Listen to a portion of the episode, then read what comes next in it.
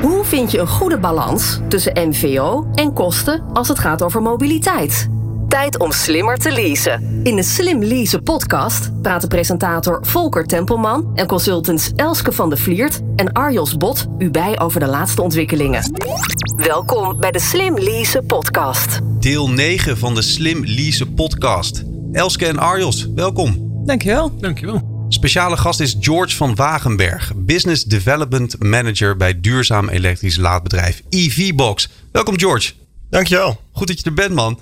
EVBox wil graag een emissievrije wereld, dus geen uitstoot meer. George, gaan we dat eigenlijk ooit halen? Dat gaan we halen, maar we zijn er nog niet. Maar we zijn wel de eerste stappen aan het maken. En een van die stappen is elektrisch rijden.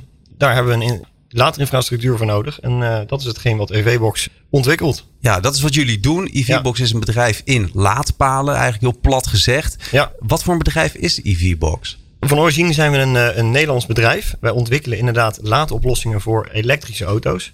Denk daarbij aan hardware, dus de laadpalen zelf, de software waar de laadpalen op aangesloten zijn, zodat alle laadtransacties uh, verrekend kunnen worden. We zijn eigenlijk altijd begonnen als de hardware, het AC-laden. Dus het gewoon laden op, uh, op straat, zeg maar. Ja, zeg maar de, de stekker en het stopcontact voor je auto op straat. Ja, precies. En, uh, en, en voor thuis ook, het, het AC-laden eigenlijk. En sinds dit jaar hebben we in ons, in ons productportfolio ook het DC-laden. Denk aan snellaadstations zoals je ze ook langs de, de grote weg ziet. Ja, dus we kunnen eigenlijk aan de AC-DC, verschillende uh, stroomsoorten. Dat is het ook precies? Ja, precies. Uh, AC is wisselstroom. Het, het, de, de stroming die zeg maar uit het net komt. DC is, het, is gelijkstroom, wat we direct in, in de accu kunnen stoppen, zeg maar. En daardoor gaat dat een stukje sneller. Wat is jouw rol binnen dat bedrijf? Ik ben onderdeel van het Business Development Team in, in Nederland. Van het Nederlands Sales Team dus. En ik hou me bezig met het, het ontwikkelen van een nieuwe business. En de samenwerking met, in de automotive tak. En waar moeten we dan precies aan denken?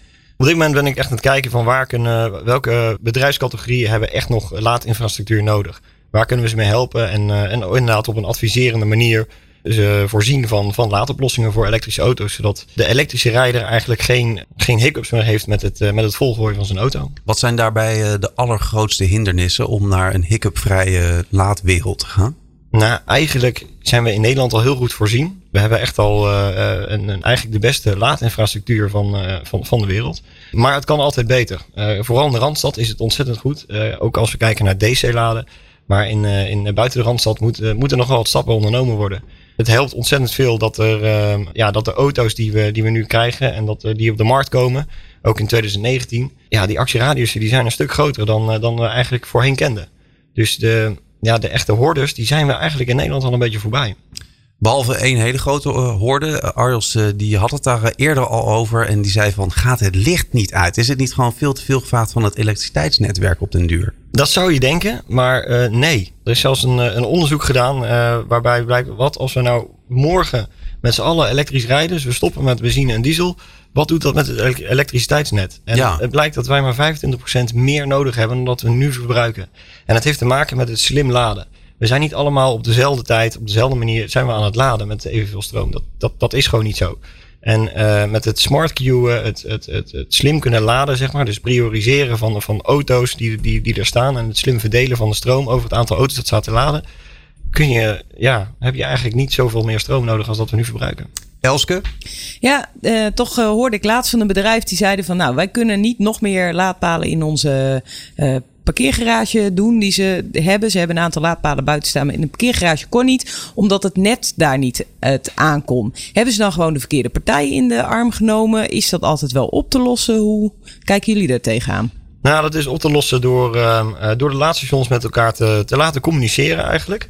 Um, um, we, we, kunnen de laadstations met, met elkaar verbinden en uh, daardoor um, kun je zeg maar de beschikbare stroom die er is, dus eigenlijk de mm -hmm. begrenzen als groep, en kun je de beschikbare stroom verdelen over het aantal auto's dat staat te laden. Okay. Dus je kunt eigenlijk altijd zoveel mogelijk laadstations er neerzetten, maar je moet ze op een gegeven moment een stukje gaan begrenzen tot het beschikbare vermogen wat er is.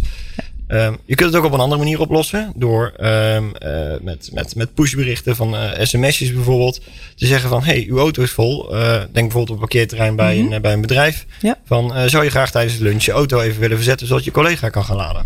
Dit is de Slim Lease podcast met Volker Tempelman, Elske van de Vliert en Arjos Bot. Arjos, eh, we hebben het eh, eerder in deze podcastreeks al uitgebreid gehad over de Worldwide Harmonized Light Vehicles Test Procedure.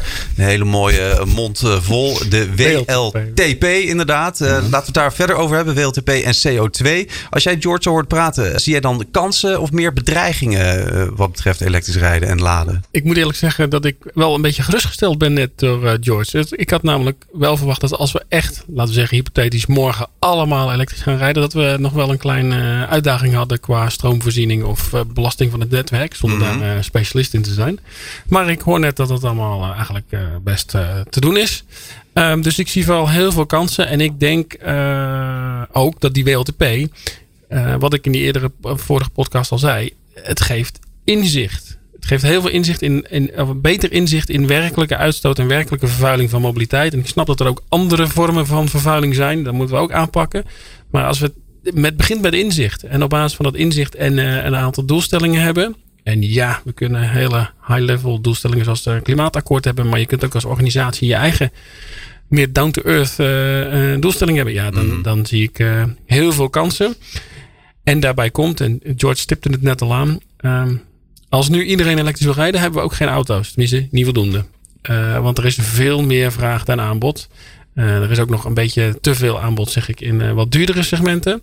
Dus die ontwikkelingen gaan snel. De kostprijs van accu's daalt ook. gaat maar door. Um, dus ook daar zie ik de toekomst wel echt ja, eigenlijk rooskleurig tegemoet. In, in die zin dat er enerzijds dus geen beperkingen zijn qua capaciteit en laadpalen. En zoals George al zei, die zijn er best wel wat in Nederland. Actieradius neemt toe. Dus waar, we, hoeven ook minder laadpalen het ook bijna hebben, te zeggen ten opzichte van de auto's. En de modellen, uh, ze gaan komen. Fabrikanten zetten er massaal op in. En uh, die willen echt hun investeringen om wat te verdienen. Dus, Klinkt uh, allemaal eigenlijk heel rooskleurig wat betreft ja. elektrisch rijden. Elske, ik weet dat jij een fan bent van elektrisch rijden. Maar wat zijn nou de keerzijdes van die medaille? Nou ja, uh, natuurlijk zul je wel wat moeten doen in de acceptatie binnen je bedrijf voor dat elektrisch rijden. Want uh, er zijn nog best wel een hoop mensen die denken dat elektrisch rijden heel moeilijk is. Die gewoon. Het eng vinden om aan zo'n laadpaal te laden. Dat was wel grappig. ik heb voor, de, voor een gemeente een onderzoek gedaan. Ehm, daar denken ze na over. We zetten een aantal elektrische deelauto's neer. Dan kunnen meer mensen met de fiets of het OV naar uh, de gemeente toe komen. En dan kunnen ze voor een zakelijke afspraak die deelauto inzetten. En dan zie je dat, uh, dat van de groep mensen die sowieso zegt dat niet te overwegen. Uh, want dat vinden ze allemaal te ingewikkeld. Er ook nog een veel grotere groep is die als je vraagt van oké, maar stel we zetten toch die deelauto's neer. Wil je dan liever benzine of diesel? Of wil je liever elektrisch? Dat er een heel veel grotere groep is die dan toch ook zegt: nee, doe mij maar benzine diesel. Zelfs dus voor een deelauto. Waarvan je dan denkt: nou, dan maak je eens een ritje. Kun je het eens uitproberen? Mm-hmm. En uh, dat is natuurlijk wel gewoon de realiteit. En daar moet je als bedrijf of als gemeente in dit geval wel op voorsorteren. En mensen dus echt aan het handje meenemen. En ze gewoon eens, nou ja, dan laten misschien ervaren. laten ervaren. Misschien niet als bereider zelf, maar dat ze er eens een keer naast zitten. En dat ze zien: oh, dat is eigenlijk allemaal best makkelijk en pasje klaar laden. Hè? Gaat heel simpel. George, herken jij deze problemen en hoe gaan jullie daar met EV-box mee om? Ja, het is eigenlijk een, eh, een oude gewoonte die, die we hebben. Hè. We, zijn, eh, we weten dat we als we onze tank volgooien in, eh, in 10 minuten tijd bij de pomp, dat we daarmee uh, ja, 500 tot 1000 kilometer mee kunnen rijden. En dat is een ontzettend fijn gevoel. Uh, wat je vergeet bij elektrisch rijden is het niet zo dat je hem helemaal leeg rijdt en dat je dan gaat volgooien en dat je dan inderdaad een paar uur moet wachten. Nee, je, je, je habit moet veranderen. En dat vergeten mensen. Je kunt eigenlijk in Nederland kun je bijna overal, op elk parkeerterrein, kun je ondertussen wel laden. Dus je bent eigenlijk altijd aan het bijladen. En het helemaal tot nul laden, ja, dat doe je bijna niet meer. Dus die range anxiety, wat, waar, we, waar de mensen die, die nog niet durven overstappen, ja, dat is er eigenlijk niet. Maar ik vraag me altijd wel af bij het parkeerterrein langs de snelweg van, nou, ja, hoe werkt het dan? En is het, is het echt zo makkelijk? Het is echt heel makkelijk. Um, je hebt een laadpas. Nederland loopt daar wel op voor, moet ik zeggen. In Nederland hebben we het CIR, het uh, Centraal uh, Interoperability Register. Dat betekent dat alle aanbieders die laadpassen voorzien en laad, laadstations ontwikkelen, uh, die gegevens naar uh, één, uh, één orgaan sturen. En dat daardoor dat je met een, een laadpas van een andere aanbieder op een, op, van aanbieder X op aanbieder Y zeg maar, kan, kan laden. Zeg maar. Dus ja, in Nederland kun je overal laden met je laadpas. En wat voor soort abonnementen zijn daaraan gekoppeld? Ehm, nou, als ik even voor EV-Works spreek, heb je een, een laadpasabonnement van 3,75 euro. En daarmee kun je gewoon overal laden in Nederland. Zo makkelijk is het. Zo makkelijk is het. En welk advies zou je dan hebben voor mensen die zo twijfelen, wat Elske net aangeeft, die dan toch kiezen voor een, uh, een ouderwetse auto als ze zelfs even mogen delen? Probeer het gewoon. Want uh, je zult merken dat er genoeg laadstations staan in Nederland. Het kan altijd beter, dat moet ik eerlijk toegeven. We zijn ook druk bezig om die laadinfrastructuur nog beter te maken dan dat het al is. En vooral op DC-gebied dan. Maar het, het is er al. Hoe vaak zie je een elektrische auto stilstaan langs de grote weg? Nou, niet vaak. Niet vaak. Nee. Dit is de Slim Lease podcast. De stelling, een laadpaal thuis is verplicht, anders geen elektrische auto. Nee, zeker niet. Zeker in Nederland niet. Het maakt het leven wel een stukje makkelijker. Vooral als je wat, eh, wat verder weg woont dan, uh, dan uh, inderdaad in de dichtstbevolkte steden waar je om de, om de 500 meter een, een laadpaal hebt. Uh, natuurlijk, vol wegrijden s ochtends is natuurlijk een heel fijn gevoel. Maar nee, we hebben zo'n zo'n goede laadinfrastructuur hier. In Nederland is het echt niet per se nodig om een laadpaal voor de deur te hebben. We hebben bijvoorbeeld in Nederland, moet je moet je voorstellen, dat een, een gros van de Nederlanders niet eens een eigen oprit heeft. En dus geen mogelijkheid heeft tot een laadstation op, uh, ja, aan, aan zijn of haar huis. En dat, die mensen die laden ook allemaal netjes, uh, netjes op straat. En dat gaat ontzettend goed. Je ziet nu een trend waarbij veel van de bedrijven zoals EVBox partnerships aangaan. Uh, ook wel worden overgenomen door grote multinationals, uh, oliebedrijven. Welke lessen, als je dat in je achterhoofd houdt, uh, trekken we uit de afgelopen 1 à 2 jaar in het kader van de energietransitie? Dat het vooral heel erg snel gaat. Uh, kijk, de, de, de, de OEM's, dus de, de, de autowereld, heeft gekozen voor elektrisch. En, en zeker voor de komende 10 jaar. En dat zie je met het aantal modellen wat eraan komt. En ja, die auto's die moeten allemaal voorzien worden van, van, van stroom. Dus dat, wat wij ervan hebben geleerd, in ieder geval dat het harder gaat dan dat we een paar jaar geleden überhaupt hadden mogen denken. Goed voor de business ook en ja. uh, ook spannend wat er aan zit te komen, Elske. Nou ja, uh, omdat het zo snel gaat, maar ook met je antwoord op de vorige vraag van, nou ja, thuis uh, laden is helemaal niet noodzakelijk. Zeg je dan ook als advies aan de wagenparkbeheerder of aan het bedrijf van, als jij gaat verplichten dat alle auto's elektrisch moeten worden in het leasewagenpark, dan hoef je niet te zeggen van, en wij gaan ook de laadinfrastructuur voor jullie verzorgen. Of zeg je van, nou, dat is toch voor nu nog wel slim om te doen. Uh, omdat, omdat dan de acceptatiegraad omhoog gaat. Hoe kijk jij er tegenaan? Ja, kijk, inderdaad, op het moment, zoals ik zei, uh, met een volle accu wegrijden s ochtends is gewoon een fijn gevoel. Dus heb je de mogelijkheid om een laadstation thuis te plaatsen, zou ik dat zeker doen. Uh, uh, je dekt jezelf altijd iets beter in dan, dan, dan dat je het niet hebt. Ehm, maar het is nogmaals niet per se nodig. En wat je als bedrijf bijvoorbeeld kan doen, je kan zeggen van hé, hey, ik laat de medewerker zelf een laadstation mm -hmm. aanschaffen. En uh, daardoor betaalt hij ook zijn eigen abonnementje van het laadstation. Ja. Mm -hmm. Maar je kunt ook zeggen, ik als bedrijf, uh, of als liefdebedrijf, die, uh, wij, wij verzorgen de laadinfrastructuur. Mm -hmm. En daardoor heb jij ook het overzicht van de laadtransacties. Dus het laadstation blijft dan eigendom van de wagenparkbeheerder of, of het bedrijf, zeg maar. Ja. Het is natuurlijk wel zo dat als je thuis een laadstation hebt. Ik ben er zelf één van. Als ik op het werk kom, en inderdaad, mijn afstand naar het werk is niet zo groot dan uh, hoef ik niet te laden. Dus dan de, de laadpalen, de beperktheid die er is. Uh, ik gun mijn, mijn laadpaal, die ik, die op mijn werk niet heb, maar de laadpaal dan, uh, de vrije plek, gun ik dan graag aan een collega. Want dat is dan ook een bijdrage aan duurzaamheid, want dan kan die lekker laden. En ik ja. rij wel weer naar huis op de accu en dan ja. leg ik hem thuis weer aan de stekker. Ja. Dus zo, um, kijk, uiteindelijk met, met, de, met moderne volle elektrische auto's hoef je echt niet meer iedere dag te laden.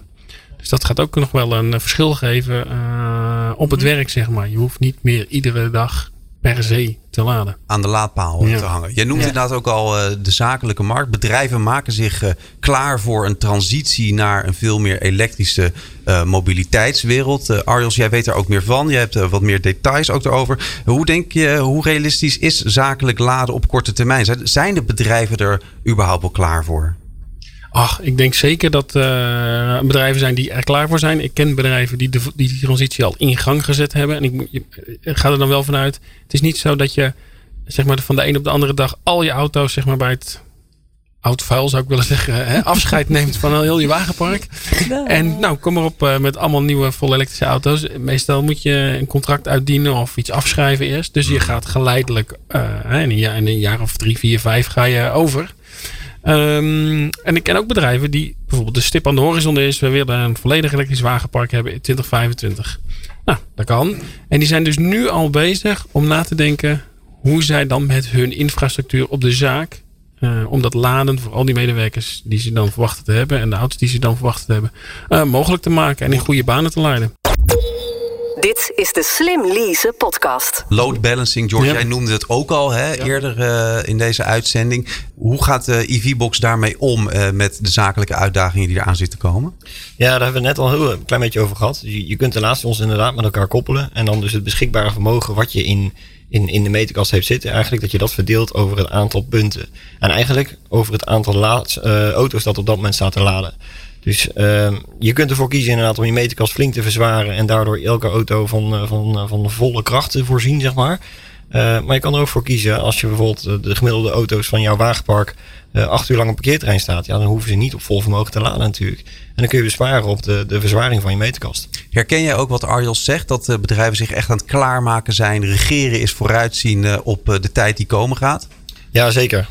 er komen ontzettend veel aanvragen binnen van van ja, de, vooral de wat grotere wagenparken die toch wel één of twee laadstations op de ja, uh, gereed willen hebben, zeg maar, of beschikbaar willen hebben voor, uh, voor hun medewerkers. Ja, valt nog best wel mee, hè? Dat is niet een hele, gro niet een hele ernstige grote verandering op zo'n nee. twee van die laadpunten. Zie je ook een trend dat uh, bedrijven overwegen om een snellaadstation te plaatsen? Jazeker. Je hebt vooral de, de bedrijven die, die veel accountmanagers zeg maar, in dienst hebben, die, die veel op de weg zijn. Misschien maar een paar uurtjes op de zaak.